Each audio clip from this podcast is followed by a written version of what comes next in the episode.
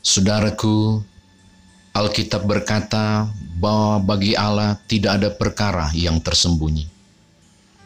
Kalau orang lain ditolong, saya, saudara, kita semua pasti akan ditolongnya.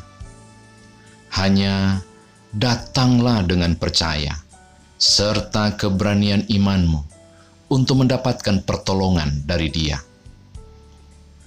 Allah Maha Kuasa yang melakukan jauh lebih banyak dari perkara yang saudara pohonkan. Dia Allah Maha Kuasa.